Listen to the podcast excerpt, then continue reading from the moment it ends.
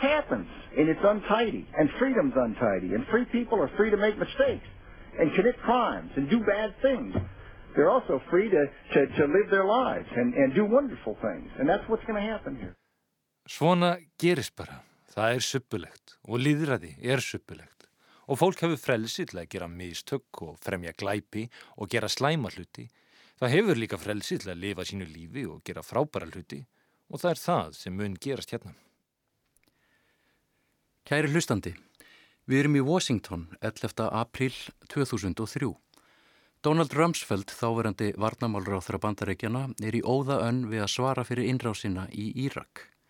Bandaríski herin hafði náð höfuborginni Bagdad á sitt vald tveimutum fyrr og við mikinn fögnuð íbúa rifið niður 12 metra háa stittu af Saddam Hussein fórseta Írak. Stittan stóð á fýrdóstorkinu, steinsnar frá Palestínuhótelinu þar sem flestir erlendu stríðsfréttamennir höfðu komið sér fyrir. Heimsbyggðin fyldist í með falli stittunar í betni útsendingu. Harstjórin var fallin og frelsi og líðræði að hefja innreð sína í Bagdad. En þennan sama dag, þann 9. apríl 2003, ríkti algjört stjórnlisi í borginni.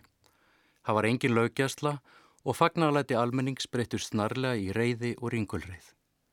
Múgurinn réðist á sínileg tákn alræðistjórnarinnar, allt frá ráðunitisbyggingum að rannsóknastofum háskólans í Bagdad og auðvitað menningarstofnunum.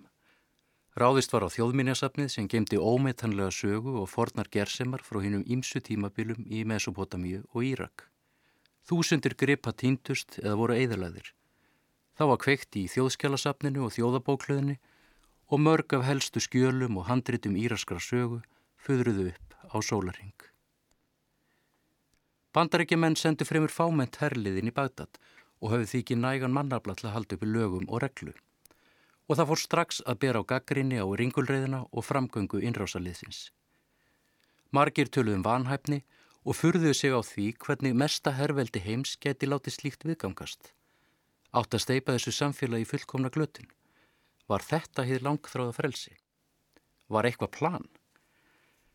Voru margar spurningarna sem dundu að Donald Rumsfeld varnamálur á þeirra þann 11. apríl 2003. En hann mætti þeim með hróka og glotti við tönn. Svona lítur frelsið út, svona er líðræðið, fólk er frjálst að gera það sem að vill. Svona gerist bara. Stuff happens.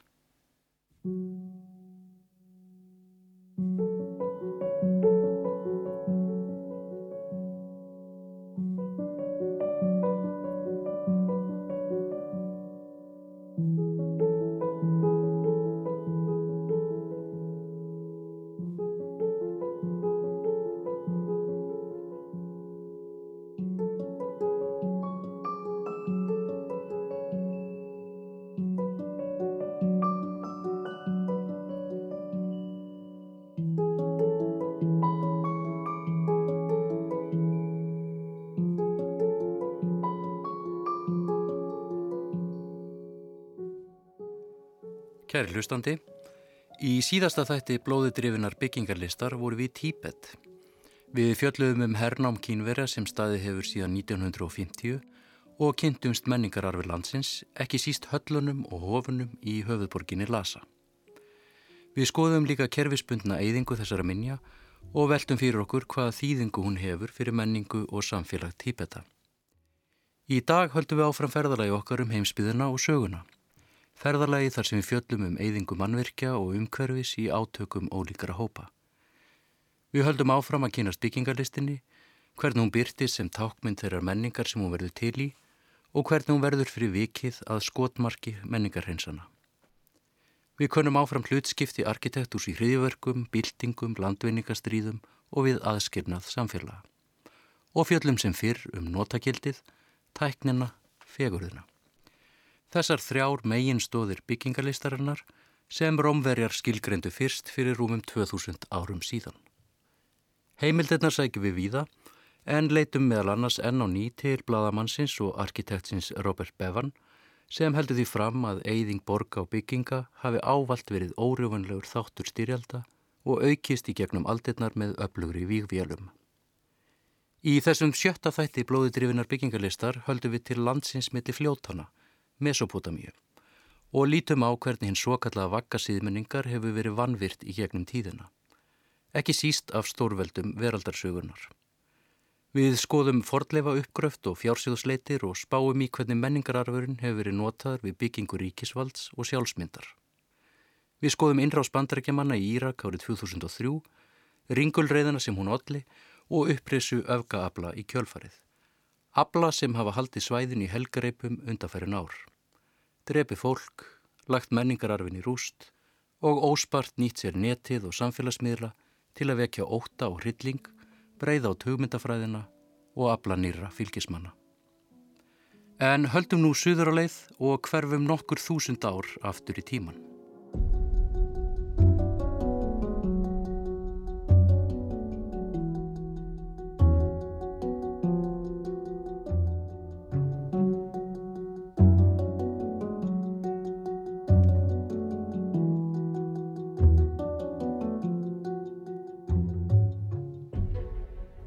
Mesopotamia, landi millir fljótana Tíkris og Efrat, er um það byll það svæði sem við í dag þekkjum sem Kuwait, Írak og austurhluta Sýrlands. Hún er oft kölluð vakka siðmenningar, en það er það hér og í Nílardalnum í Egiptalandi sem eldstu minjar um rítmál hafa fundist. Hér fór mannkinnið fyrst að lesa, skrifa, rita lög og lifa saman í borgum með skipulaðri stjórnskipan fyrir um 5.000 árum síðan. Samfélögin hér má hins vegar rekja enn lengra aftur, líklega til um 6.000 fyrir Krist.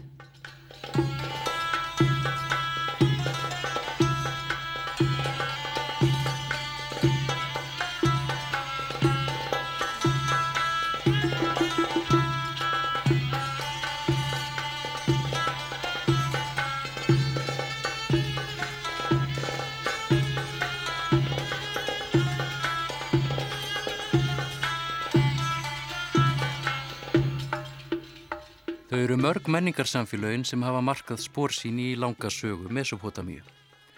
Hér voru fyrst heimsveldi Akadíumanna, Súmerra, Assýringa og Babilóna. Einning metíska veldið, veldi Akemeníða og Ímisveldi helliníska tímabilsins. Og Parþar, Sassanítar og Rómverjar.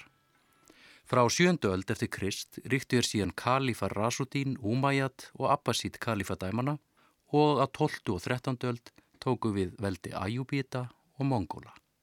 Hinnir írensku Safavítar tóku við á 16. öldinni og síðar Afsjarítar og Ottomanar. Kæri hlustandi, í fjórðaþætti vitnum við í Magnús Þorkel Bernhardsson, professor í nútímasögum í Östurlanda við Williams College í Massachusetts í Bandaríkjónum. Magnús er einn helsti íslenski sérfræðingurinn í sögum í Östurlanda og hefur lengi rannsaka stjórnmál og menningu í Írak. Í þættinum leitu við í bækur hans Mið-Austurland, Fortið, Nútið og Framtíð frá 2018 og Reclaiming a Plundered Past frá 2010 en hún fjallar meðal annars um fornminjar og mótun þjóðríkis. Magnús segir borgina Bagdad hafi verið eina fyrstu skipulöðu borg Abbasít kalifadæmisins þegar hún varð höfuborg þess um miðbygg 8. aldar. Borgin hafi fljótlega orðið eina merkustu borgum ankinsögunar og þangað hafi vísindamenn, ljóðskald og heimsbyggingar þyrst í leita þekkingu, frægð og frama.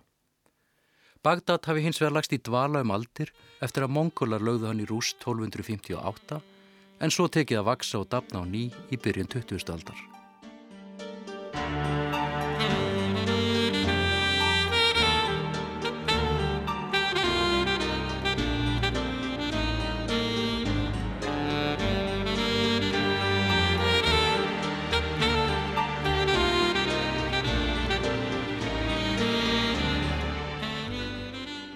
Það er varla hægt að ræða Írak án þess að nefna fordlega uppgröft, en Magnús Þorkell segi þá sögu þrískipta.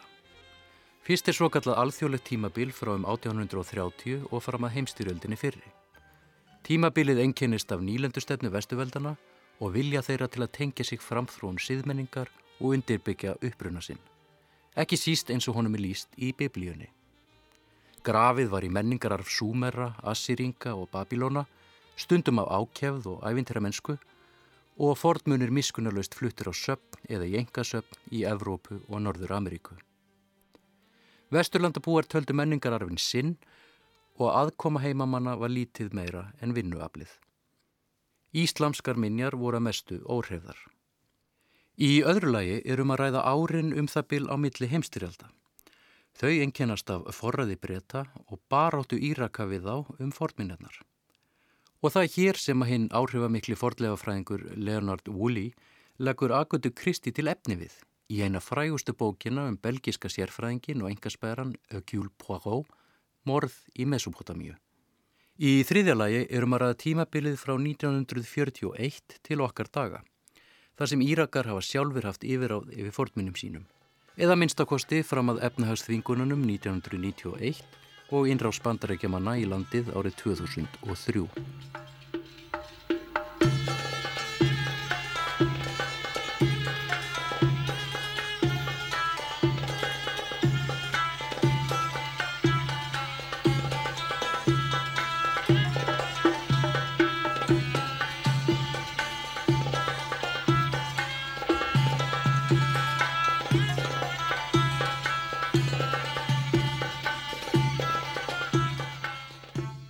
Við myndun þjóðríkja er ofta reynd að finna samnefnar úr fortíðinni og gerðna liti til svokallara gullaldatímabila ákveðina heimsvelda eða samfélaga. Sköpuður saga sameinlegra forfeðra til að fylgja fólki um og líta til með stolti. Í Írak búa meðal annars kurdar, sunni og sítamúslimar, ímið samfélu kristina og gýðingar. Og að sökum þess hver samfélun eru ólík og fyrirmyndunar margar hefur einst örðugt að fylgja fólki undir fána eins þjóðríkis. Magnús Þorkell segir þetta hafa mótað stjórnmálinn frá lokum fyrir heimstýraldar þegar svæðið lendi í höndum breyta. Upp frá því hafi stjórnvöld meðvitað reynda að móta íraska sjálfsmynd ofanfrá, oftast með menningarlegum tilvísinum í fortíðana fremur en etnískum, en ekki alltaf verið sangkvæm sjálfun sér. Tilburðinir hafi mótast af utaríkispólitík yfirvalda sem stundum hafi litið til arabískrar eða íslemskrar sögu til þess að undirstryka áhuga á bandalagi Araba.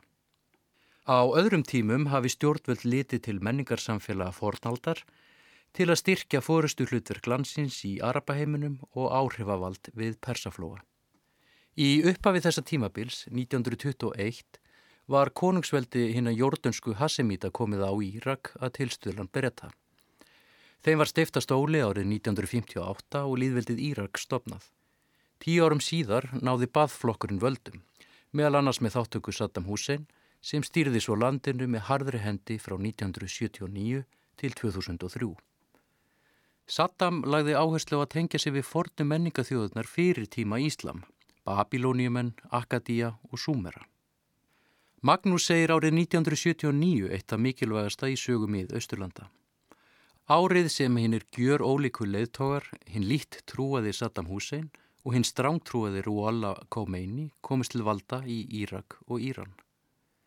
Magnús segir stjórnmálinn þarna hafa verið í mikilli gerjun. Þau hafi orðið rótækari og árið marki upp af þess að hugmyndafræði íslamista er þið valkostur í hinn pólitísku flóru. Hann segir Saddam í fyrstu hafa óttast að áhrif íslamsku byltingarinnar í Íran myndu breyðast út en að hann hafi fljótt séð tækifæri í þessu nýja pólitíska landslægi. Innrás í Íran geti styrt stöðu hans.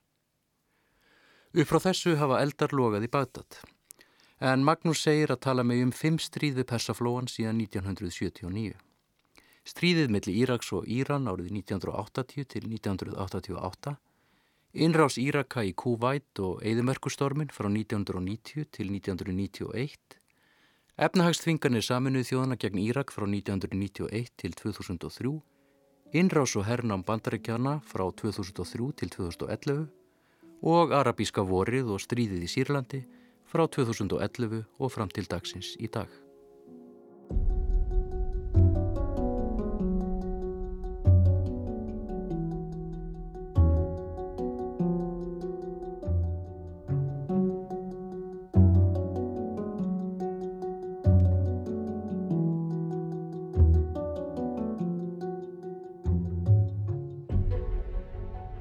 The images you are seeing on television, you are seeing over and over and over, and it's the same picture of some person walking out of some building with a vase. And you see it 20 times. And you think, my goodness, were there that many vases uh, is, is it possible that there were that many vases in the whole country? Þegar Donald Rumsfeld, varnamálráþara, var spurður út í óeldina í Bagdad á hinnum fræga bladamannafundi 11. apríl 2003, segði hann skildu sína að koma á stöðuleika í Írak og að innrásaríkin væru einmitt að gera það. En að sakaði líka fjölmiðla um að íkja ástandið og sína sama myndskeiðið aftur og aftur af einhverju mannesku berandi út vasa úr einhverju byggingu. Og í gamansumum tóni spurðan, ég minn einni, voru svona margir vasar? Er mögulegt að hafa verið svona margir vasar í öllu landinu? Þetta vakti káttínu bladamanna í Washington, en í Írak hlói færri. Þessa framgöngu varnamálur á þeirrans tólkuð nefnilega margir sem dæmigerða fyrir hróka og skeitingaleysi bandaríkjana. Herrveldi sinn sem þættist komið til að frelsa Íraka frá ógnastjórn Saddam Hussein en kærði sér raun kollott um hag almennings. Stórveldi sinn sem steifti landinu í algjört öngþiti og gerði svo gís að ástandinu. The word came from Washington that we're not getting involved in that. We're not we're not going to stop the looting. We're not doing police work. That's not what we're here for. And I think so there were explicit instructions from Washington to not interfere with the looting. Yes. Barbara Bodín, sem við heyrðum hér tala, var sendiherra bandaríkjana í Bagdad á tímum innrásarinnar en látin hætta í mæ 2003. Hún hefur síðar líst fullkominni vanhæfni bandarískra stjórnvalda við innrásina. Stjórnvöld hefðu ekki bara hunsað allar viðvarnir og ráðleikingar um verdun menningarvermæta, þau hefðu líka rekið sína færustu sérfræðinga í málefninsvæðisins og skipað algjörlega reynslulösa jámenn yfir mikilvægar stofnanir Írakska ríkisins. Bandaríks stjórnvöld hefðu ekki skilið hvað þyrti til að stýra landinu og beinlýnis ákveðið að láta ástandið magnast.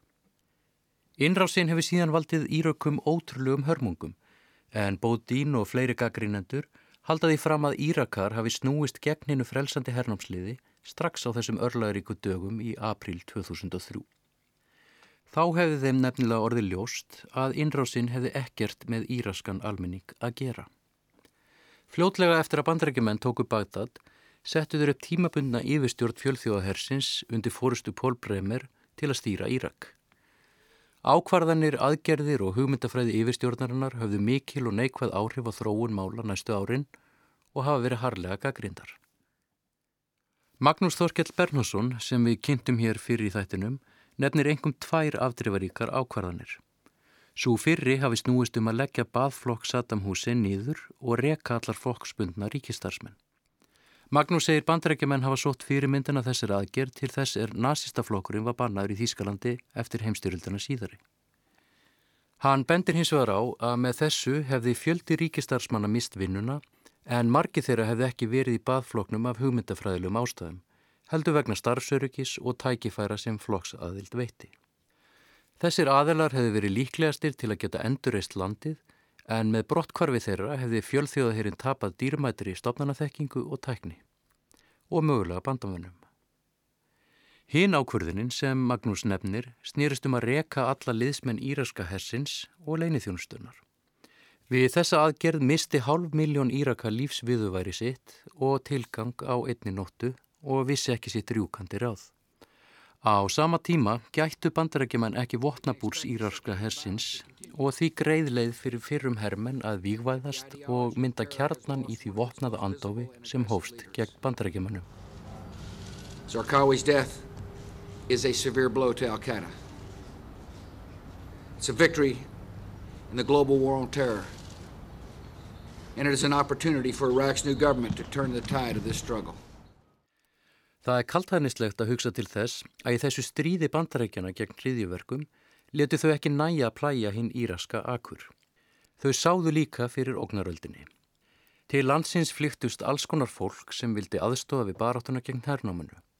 Hriðjuverkasamtökin Al-Qaida sem enga starfsemi eða ítök hafðu haft í Írak fyrir hernámið spruttu nú upp að tilstuðlan Jordanans Abu Musab al-Sarkawi. Samtök hans og tengdir aðilar voru ákveðin í að magna upp ofbeldið og ganga á milli bóls og höfuðs á sítamuslimum og kurdum. Þetta gerði þau með hróttalögum sjálfsmórsárásum og markvissri tortímingu á moskum og samkomistöðum í landinu. Eins og henni þúsund ára gömlu Askarja mosku í Samarra sem er meðal helstu helgidóma síta. Þannig tóst Al-Sakái að etja saman ólíkum trúarsamfélögum og hópum. Og Írak hófst blóðug borgarastýrjöld. Saminuð þjóðnar yfirgafu landið eftir sjálfmás árásir og bandarækjumenn sátu eftir í sinni súpu en á tímabili fjallu um 60 bandarískir hermenn í hverju mánuði. Abu Musab al-Sakái var drepinn í loftárusum bandarækjumanna í júni árið 2006 en samtök hans hafa síðan þá saminast öðrum og umbreyst í samtökin sem kenna sig við Íslamst ríki, einni þægt sem Ísil, Ísis og Dæs. Samtökin hafi gegnum árin haldið uppi merkjum allsar kái og sínt heimsbyðinni að þau hefa talsverðan skilning á því hvernig beita megi byggingalistinni í þáu málstæðarins, til að helga sér land og reka áróðu sinn, til að vekja óta og hrylling, til að drepa. Um hinn íslamska heim hafa aðferðir al-Sarkawi breyðst út undanfarin ár, bæði í Írak og Sýrlandi og hefur illa verið hægt að halda þeim í skefjum. Þessi pólitík er drifin áfram af hreintrúarstefnu sem rekja má til Uahabista í Sáti Arabíu og fyrirskipar eyðingu menningarminja í nafni baráttu gegn skurðgóðadýrkun. En tortímingunni er einnig ætlað að vinna gegn því skipulegi sem tók við af nýlendutímanum. Þar sem landamæri voru dreyin tilviljana kent upp af erlendu valdi og sem gerir spiltum stjórnvöldum kleifta kúa íbúana í skjóli Vesturlanda eða Rúslands. Stjórnvöldum sem hafa innleitt vestrænt kapitalist stjórnskipulag í ríkjum sínum, bara án frelsisins. Stjórnarhættirnir einkennast fremur af grimd, spillingu og vonlausri fátækt þeirra verst settu. Kæri hlustandi, barátta gegn skurgoðadýrkun á sér aldalanga sögu víða um heim. En í nýjustu tólkunum íslamista snýst eyðingin um að skapa nýja íslamska sjálfsmynd sem hafnar vestrænu forræði. Og í kjölfar byltinga arabíska vorsins fyrir hartnær áratug síðan skapaðist víða pólitist tómarum sem formælandu þessarar hugmyndafræði keftust við að fylla. Útensla þessara pólitísku hreintrúastefnu hefur meðal annars verið fjármögnum með óljusölu, gíslatökum og fjárkúunum og hafa óljuríkin sátt í Arabia, Kúvæt og Katar einni verið sökuðum stuðning, en þverneita fyrir. Vítt og breytnum miðausturlönd, allt frá Norður Afríku til Pakistan, hafa samtök sem aðhyllast þessa stefnu reynd að skapa fólki nýja sjálfsmynd. Sjálfsmynd sem byggir á því að allir sem ekki aðhyllast þessa öfgafullu útkáfu Íslam eru fjandmenn. Ráðist er gegn kristnum kirkjum og helgidómum annara múslima, svo sem helgidómum síta og súfista. Gravreitum, veraldlegum fordlegum, söpnum eða heimsminnastuðum. Fræðafólki. Allt er undir, allir eru óvinnir. Vorið 2015 deildu vígamenn Ísis stoltir myndböndum að sjálfin sér eða 3000 ára menningaminjum í henni assýrisku borg Nimrút, skamt frá Mósul í norðurleita Íraks. Einn síndu þeir eigðileggingu 2000 ára minja parþíska heimsveldisins í borginni Hatra um 290 km norðvestur af Bagdad. Í Palmíru í Sýrlandi eittu samtökin Fordminjum og nótuðu þið 2000 ára ringleikahús sem vettvang fyrir fjöldaaftökur. Og þann 18. ágúst 2015 tóku samtökin umsjónamannsvæðisins hinn 83 ára fordleifafræðing Khalid al-Assad afhöfðuðu og hengdu lík hans upp öðrum til viðvörnar. Í yfirlýsingu Ísis sem send var fjölmiðlum sagði Khalid Assad var meðlumir í vantrúarfloknum Bath og var í tengslum við kristna fræðumenn og síta. Hann hampaði líka skurðgóðadýrkun. Eftir handtök hans gáði honum tækifæri til að eðrast og sverja kalifadæminu hotlusu sína, en hann neytaði.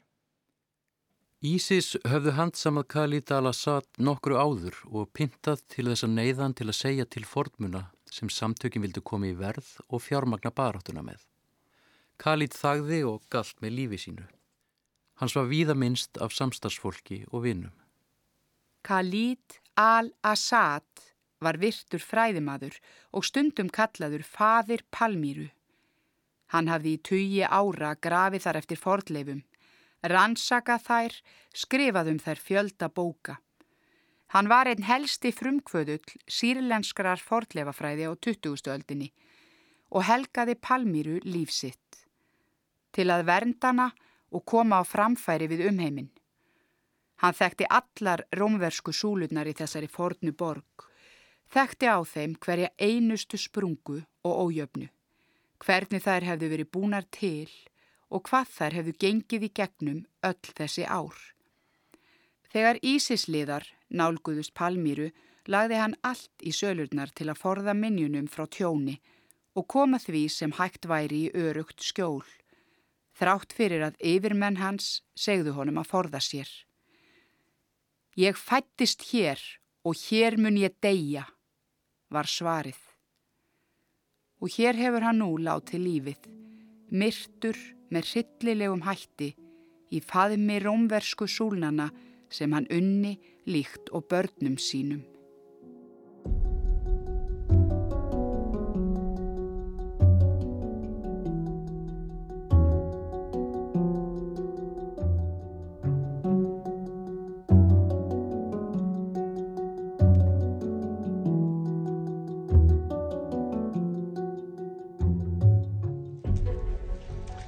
Deutschland hat gemeinsam mit dem Irak die Initiative für die Resolution der Generalversammlung der Vereinten Nationen ergriffen, die heute im Konsens verabschiedet worden ist. Und mit dieser Resolution wollen wir die barbarischen Taten der Terrorgruppe ISIS verurteilen.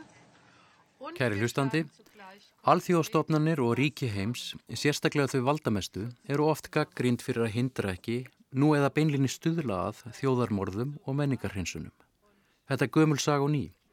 Alþjóðlegir sáttmálar eru hunsaðir og alþjóðstofnan er oft illa í stakk búnar til að fyrirbyggja skadan.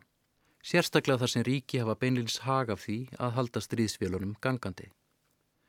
Tvískinungurinn er heiminn hrópandi. Ófriðarbálið er kynnt á öðrumendanum með hernaði, vopnasölu og fjármagni á meðan hugaðir af fórnarlömpunum á hinumendanum. Oft fyrir munlagri upphæðir. Þetta virðist flókið og vonlaust enda hagsmunutnir víða. En við sem alþjóðsamfélag höldum áfram að reyna að koma böndum á okkur sjálf og setja okkur sameinlega reglur.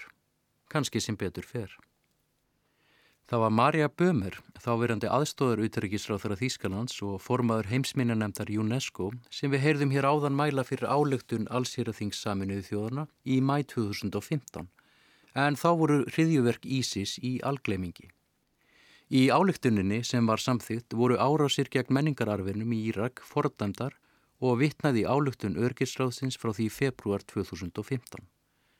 Þar fordæmdi ráðið eigðingu menningararfs í Írak og Sýrlandi og samþykti lagalega bindandi ákvæði til að hindra ólögleg viðskipti með fordminjar. Í álegtun allseraþingsins eru ríki heims ennfremu kvött til að fullgilda rómarsáttmala alþjóða glæpardómstólsins til að tryggja að hægt sé að meðhundla meðvitaða eyðingu menningarars sem stríðskleipi. Það verður áhugavert að fylgjast með þróun mála.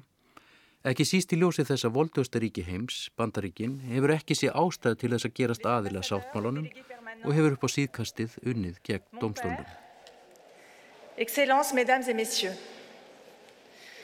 C'est un grand honneur pour moi que d'être parmi vous ce matin pour ouvrir cette conférence sur l'initiative que nous avons lancée pour la reconstruction de Mossoul, en coopération avec les autorités irakiennes. Við heyrðum hér í Audrey Azoulay, aðalfrankvæmtastjóra UNESCO, en í februar 2018 hóf stopnunin viðamikið verkefni um endur uppbyggingu Mósulborgar. Styrjöldin í Írak hefur haft hrikalegar afleiðingar í henni fornumborg en UNESCO telur að þar hafi næri 20.000 byggingar verið skemdar eða eðilaðar og hefur annað eins ekki sést síðan í heimstyrjöldinni síðari. Það er vesturluti borgarna sem sérstaklega hefur orðið ítla úti en þar hefur meirinn helmingu bygginga verið skemdur eða eðilöður. Þar á meðal margir sögulega þýðingamikli staðir. Verkefni UNESCO er stutt af stjórnvöldum í Írak og saminuð þjóðunum og hefur stopninin ennfremur dreyið að alþjóðlega fjárfesta.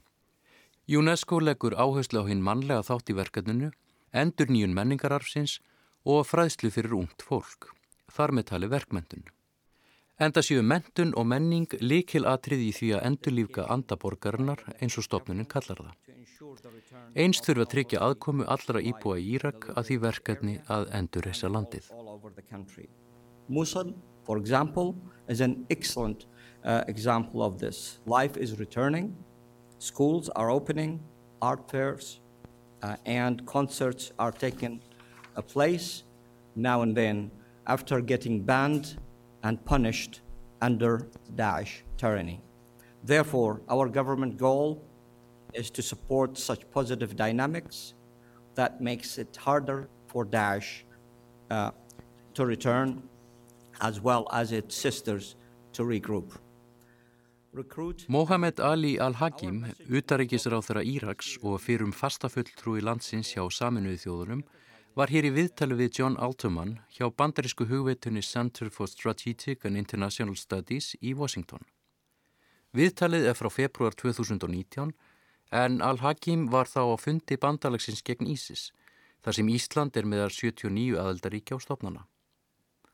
Al-Hakim sagði Ísis hafi verið lagt að velli í Írak og að verkefni ríkistjórnar sinnar væri nú að vinna að stöðuleika og öryggi á fyrrum yfiráðusvæðum hriðverkasamtakana.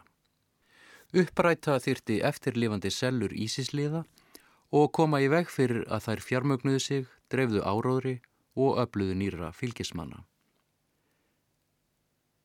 Ráþerann sagði að ríkistjórnin þyrti nú að tryggja að flóttafólk geti snúið aftur heim til fyrra lífs. Hann lofaði þann árangur sem hefði náðst og sagði landsmenn hafa sínt ótrúlega seglu og þólinnmæði. Al-Hakim nefndi sem dæmi um árangurinn að lífið væri óðum að færast í eðlilegt horf í Mósul. Skólar opnuðu og nú færi fram listsýningar og tónleikar í borginni sem ógnarstjórn Ísis hefði bannað. Markmið ríkistjórnarinnar væri að styðja við þessa jákvæðu þróun. BBC heimsótti borgina í april 2019 og tók nokkra íbúa tali. Þetta var stuttu eftir hræðilegt ferjuslís á áni Tígris sem varð meir en hundra manns að bana og vakti mikla reyði í Mósul, enda talið afleiðing landlægrar spillingar og vandrakslu yfirvalda gagvart íbúanum. Asma al-Rái er 22 ára nefandi við háskólinn í Mósul. Hún flýði borgina með fjölskyldu sinni árið 2014 þegar Ísis náðu þar völdum. Síðan þau snýru aftur eftir uppgjöf Ísis hefur hún þurft að takast af við óvægin raunveruleika hverstagslífsins í sundur tættri heimaborg sinni. Og Asma er ekkert allt of bjart sín á framtíð hennar. Það mun eitthvað slæmt gerast. Við gætum mist heimilið okkar aftur. Við gætum þurft að flýja borgina. Við gætum verið drepin eins og svo margir. Það er mjög erfitt að vera bjart sín þegar maður býr við þessar aðstæður.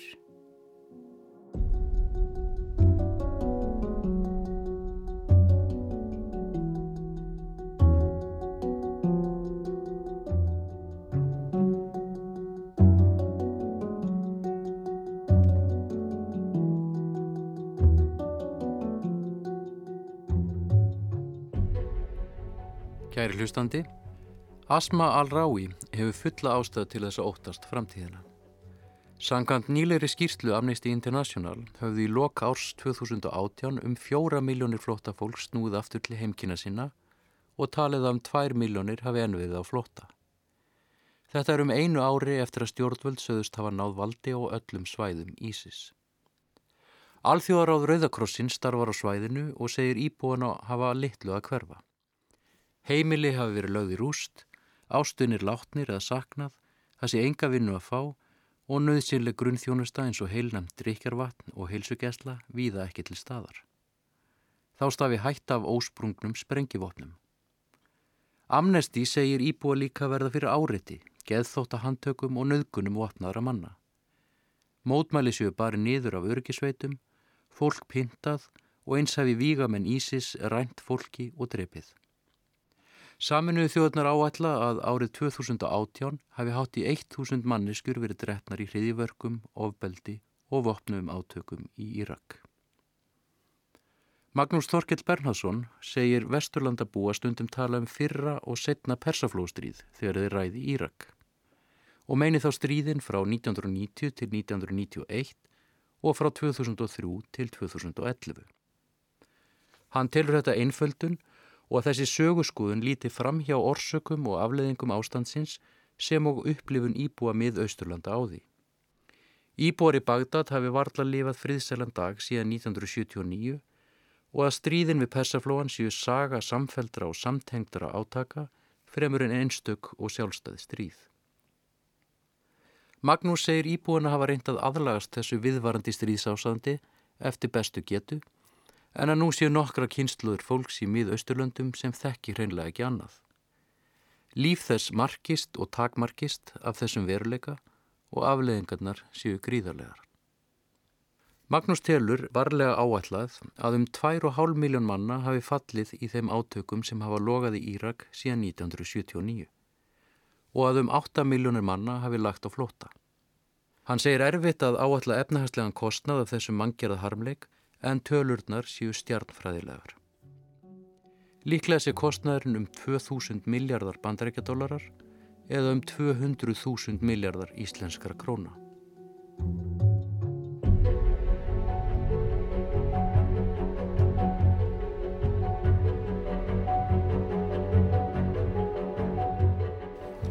This isn't the first time the museum has reopened, but officials hope this reopening will last.